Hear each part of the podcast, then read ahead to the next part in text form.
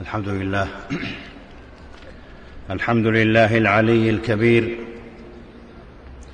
تعالى وتنزه عن الشبيه والنظير والمعين والظهير. ألا يعلم من خلق وهو اللطيف الخبير. أحمده سبحانه وأشكره. أعطى الكثير. وتجاوز عن التقصير. وأشهد أن لا إله إلا الله وحده لا شريك له. شهادة خالصة مخلصة. أرجو بها النجاة من عذاب السعير. وأشهد أن سيدنا ونبينا محمدا عبد الله ورسوله البشير النذير والسراج المنير. صلى الله وسلم وبارك عليه وعلى آله وأصحابه ذوي القدر العلي والشرف الكبير والتابعين ومن تبعهم بإحسان وعلى نهج الحق يسير وسلم التسليم الكثير. أما بعد فأوصيكم أيها الناس ونفسي بتقوى الله عز وجل. فاتقوا الله رحمكم الله. فإن الكرامة كرامة التقوى والعز عز الطاعة والأنس أنس الإحسان والوحشة وحشة الإساءة. الحياة يا عبد الله في مداومة الذكر والعافية في موافقة الأمر والنجاة في لزوم الكتاب والسنة والفوز لمن زحزح عن النار وأدخل الجنة ومن يطع الله والرسول فأولئك مع الذين أنعم الله عليهم من النبيين والصديقين والشهداء والصالحين وحسن أولئك رفيقا. أيها المسلمون هدف منشود إذا فقده الإنسان فإنه لا يستقر على حال ولا يسكن ولا يسكن إلى قرار وغاية مبتغاه بدونها صاحبها قلق متبرم مضطرب حائر وأمنية متمناه إذا لم يحققها طالبها فهو أشبه بحيوان شرس أو سبع مفترس والمجتمع بدونها كذلك مجتمع غابة من غير غاية ولو لمعت فيه بوارق حضارة أو اثاره تقدم المقاييس فيه للأشد والأقوى وليس للأصلح والأتقى. هدف وغاية وأمنية يطلبها كثيرون في غير موضعها ويتطلبها متطلبون من غير مظانها جربوا ألوانا من المتاع. وصنوفا من الشهوات فما وجدوها. حسبها قوم في الغنى ورغد العيش مقام عريض. واعتقدتها فئات في حسن العلوم والمعارف. خاض في البحث عنها العلماء والفلاسفة والأغنياء والفقراء والملوك والوجهاء. إنها يا عباد الله السعادة والطمأنينة والرضا والسكينة. ما أعظم الفرق بين رجلين؟ أحدهما عرف الغاية وطريقها فاطمأن واستراح وآخر ضال يخبط في عماية ويمشي إلى غير غاية لا يدري كيف يسير لا يدري كيف المسير ولا إلى أين المصير أفمن يمشي مكبا على وجهه أهدى أم من يمشي سويا على صراط مستقيم. كم من صاحب مال وفير وخير كثير تجلى رضاه وطمأنينته وقناعته في تحري الحلال وأداء حق الله فرضا وندبا. أعطى الأجير أجره ولم يذل نفسه من أجل مال أو جاه وآخر عنده ما يكفيه ولكن قد ملأ الطمع قلبه. وانتشر التسخط بين جوانحه. جزع من رزقه متسخط على رازقه. يبث شكواه للمخلوقين. هو الذي أنزل السكينة في قلوب المؤمنين ليزدادوا إيمانا مع أيمانهم. ولله جنود السماوات والأرض. وكان الله عليما حكيما. معاشر الأحبة الرضا نعمة عظيمة. يبلغها العبد بقوة إيمانه بربه. وحسن اتصاله به. ينالها بالصبر والذكر والشكر وحسن العبادة.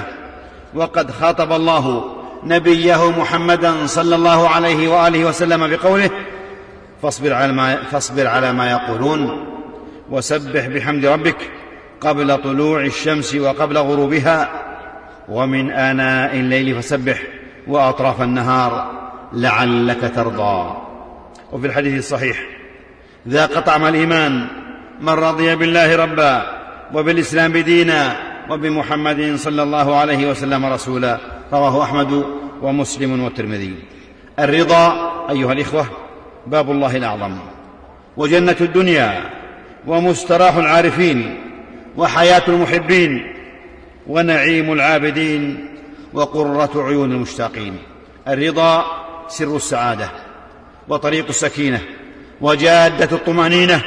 الرضا شجرة منبتها النفس. يا عبد الله السعادة والرضا ليس بوفرة المال ولا عظم الجاه ولا رضا يحد من سورة الحرص والطمع وطغيان الشراهه والجشع ويرشد الأخذ بالأسباب. اتقوا الله وأجملوا في الطلب.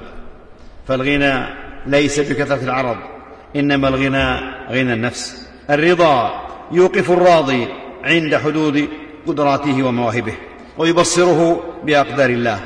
فلا يتمنى ما لا يتيسر له ولا يتطلع إلى ما لا يستطيع.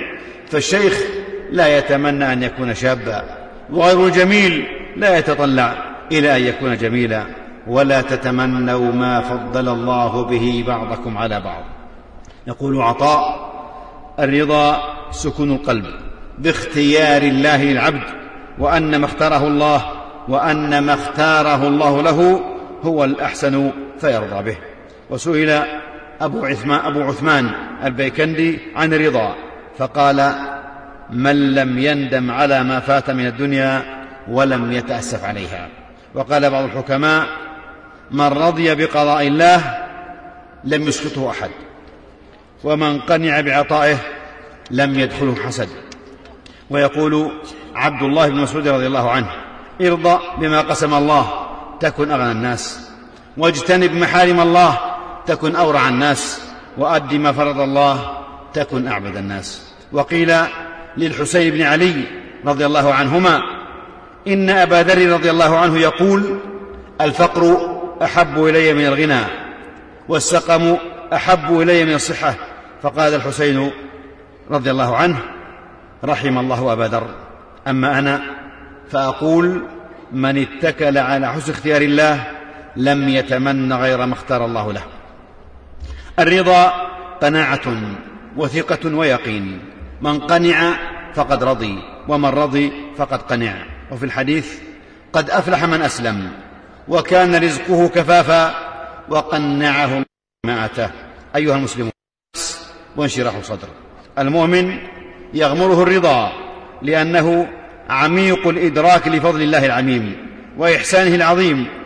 إحساسه بنعم الله في نفسه وهي نعم لا يحصيها في سمعه وبصره ويده وقدمه ومخه وعظمه وطعامه وشرابه ونومه ويقظته وأهله وفي شأنه كله.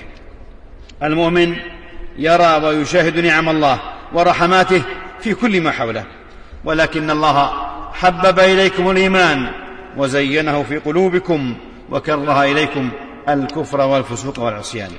المؤمن المطمئن الراضي يلهج بذكر الله ويستشعر نعم الله. الحمد لله الذي أطعمنا وسقانا وكفانا وآوانا وجعلنا مسلمين. الحمد لله الذي كساني هذا ورزقنيه من غير حول مني ولا قوة. والحمد لله الذي أحياني بعدما أماتني واليه نشور. الحمد لله الذي أذهب عني الأذى وعافاني. اللهم إني أصبحت منك في نعمة وعافية وستر فأتم علي نعمتك وعافيتك وسترك في الدنيا والآخرة. اللهم ما أصبح بي من نعمة أو بأحد من خلقك فمنك وحدك لا شريك لك فلك الحمد ولك الشكر. فالحمد لله رب العالمين والحمد لله على كل حال. هذا هو المؤمن. يغمره الرضا والطمانينة والسعادة في كل حين وعلى كل حال. متعلق متعلق بربه راض عنه مطمئن إليه يتلقى ويتقبل. اقدار الله في نعمائها وبأسائها والدنيا وتقلباتها في إقبالها وفي إدبارها. ويعلم علم اليقين أن الله يريد لعباده اليسر ولا يريد بهم العسر.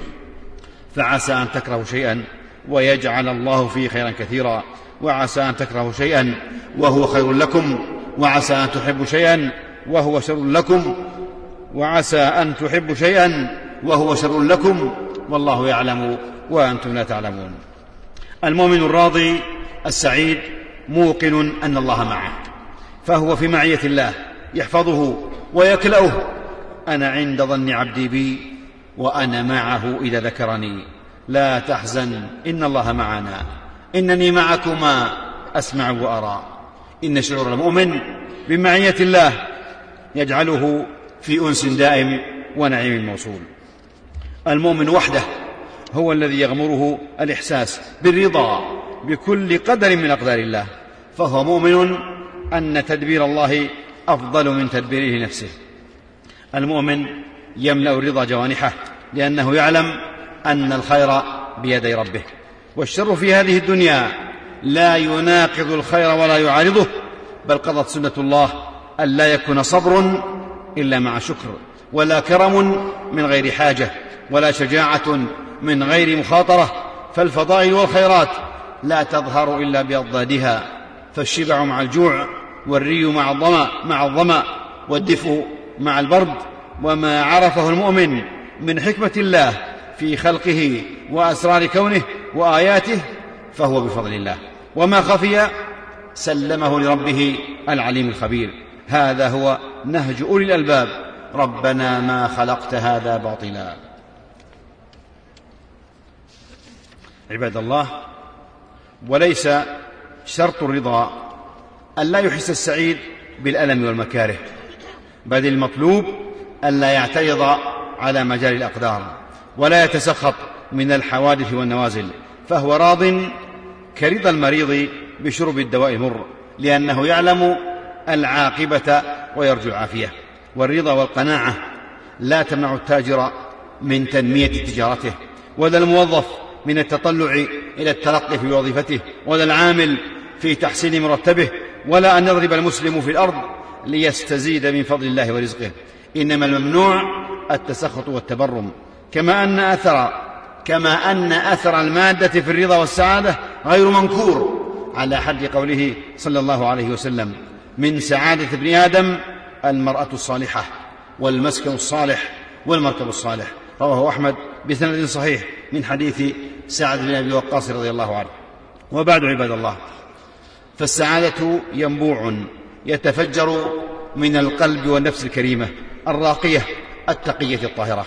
نفس سعيدة أينما حلت في السوق أو في الدور في البراري أو بين الصخور في الأنس والوحشة في المجتمع وفي العزلة. فمن أراد السعادة فليسأل عنها نفسه التي بين جنبيه. وما هذه الابتسامات ومظاهر السرور التي ترى وتتلألأ من أفواه المحزونين والمتألمين والفقراء والمساكين ليس لأنهم سعداء في عيشهم بل لأنهم سعداء في أنفسهم. وما هذه الزفرات والآهات المتصاعدة من صدور الأغنياء والمسرين وذوي الوجاهات والمترفين لأنهم أشقياء في معاشهم بل لأنهم أشقياء في أنفسهم. فلا تطمع رحمك الله ولا تهلع ولا تجزع. ولا تفكر فيما لا وصول إليه ولا تحتقر من فضلك الله عليه. واعلم أن كل شيء بقضاء وقدر والله أعلم بشؤون خلقه. يعز ويذل ويرفع ويضع ويعطي ويمنع فهو الذي أغنى وأقنى وأضحك وأبكى. ومن رضي طاب عيشه ومن تسخط طال طيشه. أعوذ بالله من الشيطان الرجيم. من عمل صالحا من ذكر أو أنثى وهو مؤمن فلنحيينه حياة طيبة ولنجزينهم أجرهم بأحسن ما كانوا يعملون. نفعني الله وإياكم بالقرآن العظيم وبهدي محمد صلى الله عليه وسلم وأقول قولي هذا وأستغفر الله لي ولكم ولسائر المسلمين من كل ذنب وخطيئة فاستغفروه إنه هو الغفور الرحيم.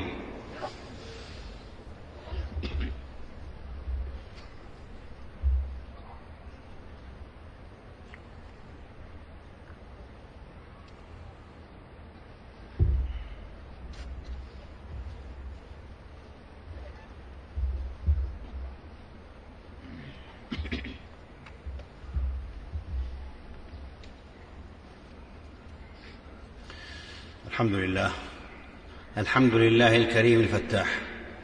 أحمده سبحانه فالق الحب والنوى والإصباح وأشكره على نعم تتجدد في الغدو والرواح وأشهد أن لا إله إلا الله وحده لا شريك له شهادة هي للجنة مفتاح وأشهد أن سيدنا ونبينا محمدا عبد الله ورسوله بين لأمته سبيل الفلاح صلى الله وسلم وبارك عليه وعلى آله وأصحابه ذوي الجود والكرم والسماح والتابعين ومن تبعهم بإحسان ما سجى ليل وأشرق صباح وسلم تسليما كثيرا. أما بعد أيها المسلمون وإن من مظاهر الرضا والطمأنينة والسكينة ما تعيشه بلادنا بلاد الحرمين الشريفين المملكة العربية السعودية ما تعيشه بلادنا بلاد الحرمين الشريفين المملكة العربية السعودية من أمن وإيمان وما تطلع به من أدوار ومسؤوليات نحو شعبها ومواطنيها والمقيمين على أرضها ونحو أشقائها وأصدقائها. ومن مظاهر ذلك ما يقوم به ممثلوها ودبلوماسيوها من مهام من مهام ومسؤوليات في كل بلد يحلون فيها سواء في مناطق آمنة أو في مواقع مضطربة متوترة. جاعلين في أولوياتهم مراقبة الله وتقواه ثم القيام بمسؤولياتهم. متجاوزين التحديات مستسهرين الصعاب أعانهم الله وسددهم وبارك في جهودهم وأعمالهم. وإن مما يوسف له ما تعرض له الدبلوماسي السعودي الأستاذ عبد الله الخالدي الذي يعمل في اليمن الشقيق. فقد تعرض لاعتداء وخطف. فك الله أسره وأعاده إلينا آمنا سليما معافى. معاشر الإخوة إن القيام بخطف إنسان بريء أعزل دليل عجز وإفلاس وتخبط وتشتت وهو سلوك إجرامي من تنظيم إجرامي تتولاه سرمه ضالة تقتات على الحقد وتمارس الجريمة وتستهدف أمن الديار والشعوب. وتلقي بنفسها في أحضان الأعداء أعداء أهلها ودينها وبلادها. شرذمه شريدة طريدة العوبه في أيدي الناقمين على بلادنا في أمنها وإيمانها واجتماع كلمتها والتفافها حول قيادتها. فئات ضالة تلقفهم الأعداء فاتخذوهم مطايا وجسورا لتنفيذ مخططاتهم. يعيشون في الكهوف. وشعف الجبال وبطون الأودية في شقاء وبلاء ومخادعة للنفوس وضياع للأعمار وإفناء للشباب يعانون من أزمات عاصفة ويشبعون نزعات إجرامية بل إنهم يعكسون حالة الانهيار في دواخلهم مشردون. كلما وجدوا ملجأ أو مغارات أو مدخلا ولوا إليه وهم يجمحون. لا قرار لهم ولا إرادة. في تجمعات بائسة وتصرفات يائسة. أما أحكام الدين فهم منها براء. بل إنهم لا يقيمون لتعاليم الإسلام وزنا. وهم يزعمون أنهم يحتكمون إليها. هل اختطاف المسالمين العزل من الدين؟ في أحكام الإسلام إذا كان المسلمون في أرض المعركة وفي حال القتال والمواجهة. وحين يكون الوطيس حاميا فإن المقاتلين المسلمين ممنوعون من أن يقتلوا وليدا أو امرأة أو شيخا أو يمثلوا بآدم أو بهيمة أو يقطعوا شجرة أو يغدروا أو يغلوا. هذا في عموم الناس. أما الرسل وهم السفراء والممثلون والمندوبون والقناصل فالحال أشد. فالحال أشد منعا. وحينما جاء رسول مسيلمة إلى رسول الله صلى الله عليه وآله وسلم فقال لهما أتشهد أني رسول الله؟ قال أتشهد أن مسيلمة رسول الله؟ فقال النبي صلى الله عليه وسلم آمنت بالله ورسله. لو كنت قاتلا رسولا لقتلتكما. قال عبد الله بن مسعود رضي الله عنه فمضت السنة أن الرسل لا تقتل. أخرجه أحمد في مسنده. وهؤلاء يخطفون ويقتلون في مخالفة صريحة لأحكام الله وأحكام رسوله صلى الله عليه وآله وسلم وإفساد في الأرض وانتهاك الحرمات. يجمعون بين الجهل بدين الله وظلم عباد الله. وأي جهل واضطراب وعبث أشد من المطالبة بتسليم نساء إلى خارج بلادهن في تعد صريح على أحكام الشرع ثم على حقوق أهليهن ومحارمهن. إخوتنا وأحبتنا أما دولتنا فموقفها ثابت واضح حكيم عادل فهي ترفض الابتزاز. ناهيكم إذا كان من فئات إرهابية إجرامية والمملكة لا يمكن أن تساوم على عدلها القضائي وحكمتها وحكمها المتين وسياستها الراشدة. ولن تسلم مواطنيها لجهات مشبوهة أو مجهولة بل تسلمهم لأهليهم وذويهم في ظل وطنهم الآمن العادل البلد الذي يقيم شرع الله ويرفع راية الكتاب والسنة دستورا وعملا ولا ندعي الكمال والعصمة. أما وزارة الداخلية في بلادنا فكم كانت حصيفة فكم كانت حصيفة حين فضحت هؤلاء الشرذمة حين أذاعت الحديث الهادفي الدائرة بين أحد الخاطفين والمسؤول السعودي ليتجلى ما يعيشه هؤلاء الضالون من اضطراب وتشتت وإجرام وسوء تدبير. لقد أوضحت هذه المكالمة ما فيه هؤلاء من تراجع وإفلاس وضعف وتشتت وتخبط. قد جففت منابعهم وقتل رؤساؤهم ونضبت مصادر تمويلهم. وإننا من هذا المنبر نصحا وشفقة وقربة إلى الله عز وجل ندعوهم إلى التوبة والإنابة. ومراجعة النفس والعودة إلى إلى الطريق الحق والهدى المستقيم ونبذ الشر والفساد والإفساد والضلال. ومن قبل ناداهم أولو الأمر ومن قبل ناداهم أولو الأمر ليعودوا إلى رشدهم وإلى بلادهم التي تحتضنهم وتؤويهم. كما ناداهم العلماء والدعاة والخطباء وأهل الرأي وناداهم كل غيور ومحب. بل لقد ناداهم آباؤهم وأمهاتهم وأزواجهم فهل يفقهون ويتذكرون ويرجعون؟ اللهم اهد ضال المسلمين اللهم اهد ضال المسلمين وبصره بالحق واحفظنا اللهم من بين أيدينا ومن خلفنا وعن أيماننا وعن شمائلنا ونعوذ بعظمتك ونعوذ بعظمتك اللهم أن نغتال من تحتنا. ألا فاتقوا الله رحمكم الله. فإن القلب متى خالطته بشاشة, بشاشة الإيمان واكتحلت بصيرته بحقيقة اليقين وحي بروح الوحي وانقلبت النفس الأمارة بالسوء راضية مطمئنة فقد رضي كل الرضا والسعيد من رضي بما عنده وقنع بما لديه ومن أطاع مطامعه استعبدته. هذا وصلوا وسلموا على الرحمة المهداة والنعمة المسداة. نبيكم محمد رسول الله. فقد أمركم بذلك ربكم. فقال في محكم تنزيله قولا كريما وهو الصادق في قيله. إن الله وملائكته يصلون على النبي. يا أيها الذين آمنوا صلوا عليه وسلموا تسليما.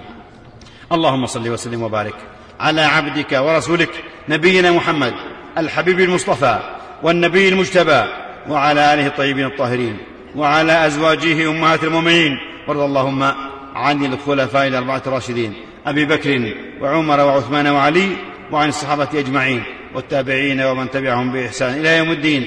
وعنا معهم. بعفوك وجودك وإحسانك. يا أكرم الأكرمين. اللهم أعز الإسلام والمسلمين. اللهم أعز الإسلام والمسلمين. اللهم أعز الإسلام والمسلمين. وأذل الشرك والمشركين. واحم حوزة الدين. واخذل الطغاة والملاحدة وسائر أعداء الملة والدين. اللهم آمنا في أوطاننا وأصلح أئمتنا وولاة أمورنا. واجعل اللهم ولايتنا في من خافك واتقاك. واتبع رضاك يا رب العالمين. اللهم وفق إمامنا. وولي أمرنا بتوفيقك وأعزه بطاعتك وأعل به كلمتك واجعله نصرة للإسلام والمسلمين وأمد في عمره على طاعتك واجمع به كلمة المسلمين على الحق والهدى يا رب العالمين. اللهم وفقه ونائبه وإخوانه وأعوانه لما تحب وترضى وخذ بنواصيهم للبر والتقوى. اللهم وفق ولاة أمور المسلمين للعمل بكتابك وبسنة نبيك محمد صلى الله عليه وسلم. واجعلهم رحمة لعبادك المؤمنين. واجمع كلمتهم على الحق والهدى يا رب العالمين. اللهم اللهم احفظ إخواننا في سوريا. اللهم احفظ إخواننا في سوريا. اللهم اجمع كلمتهم واحقن دماءهم.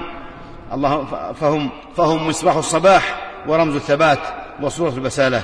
سورة بسالة وعزة أخجلت القريب والبعيد. اللهم احفظهم اللهم احفظهم. واجمع كلمتهم واحقن دماءهم. واحفظ أعراضهم وأطعم جائعهم. اللهم اشف مريضهم وارحم ميتهم وآوي, وآوي شريدهم. اللهم فك حصارهم واربط على قلوبهم وثبت أقدامهم وانصرهم على من بغى عليهم. اللهم واجعل لهم من كل هم فرجا ومن كل ضيق مخرجا ومن كل بلاء عافية. اللهم أعنهم ولا تعن عليهم وانصرهم ولا تنصر عليهم. اللهم عليك بالطغاة الظلمة. اللهم عليك بالطغاة الظلمة في سوريا. اللهم إنهم قد طغوا وبغوا وآذوا وأفسدوا وأسرفوا في الطغيان. اللهم عليك بهم فإنهم لا يعجزونك. اللهم اجعل تدبيرهم في تدميرهم اللهم اجعل تدبيرهم اللهم اجعل تدميرهم في تدبيرهم واجعل دائرة السوء عليهم.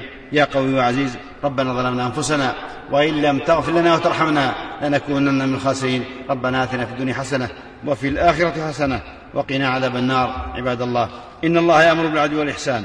وإيتاء ذي القربى وينهى عن الفحشاء والمنكر والبغي يعظكم لعلكم تذكرون فاذكروا الله يذكركم واشكروه على نعمه يزدكم ولذكر الله أكبر والله يعلم ما تصنعون.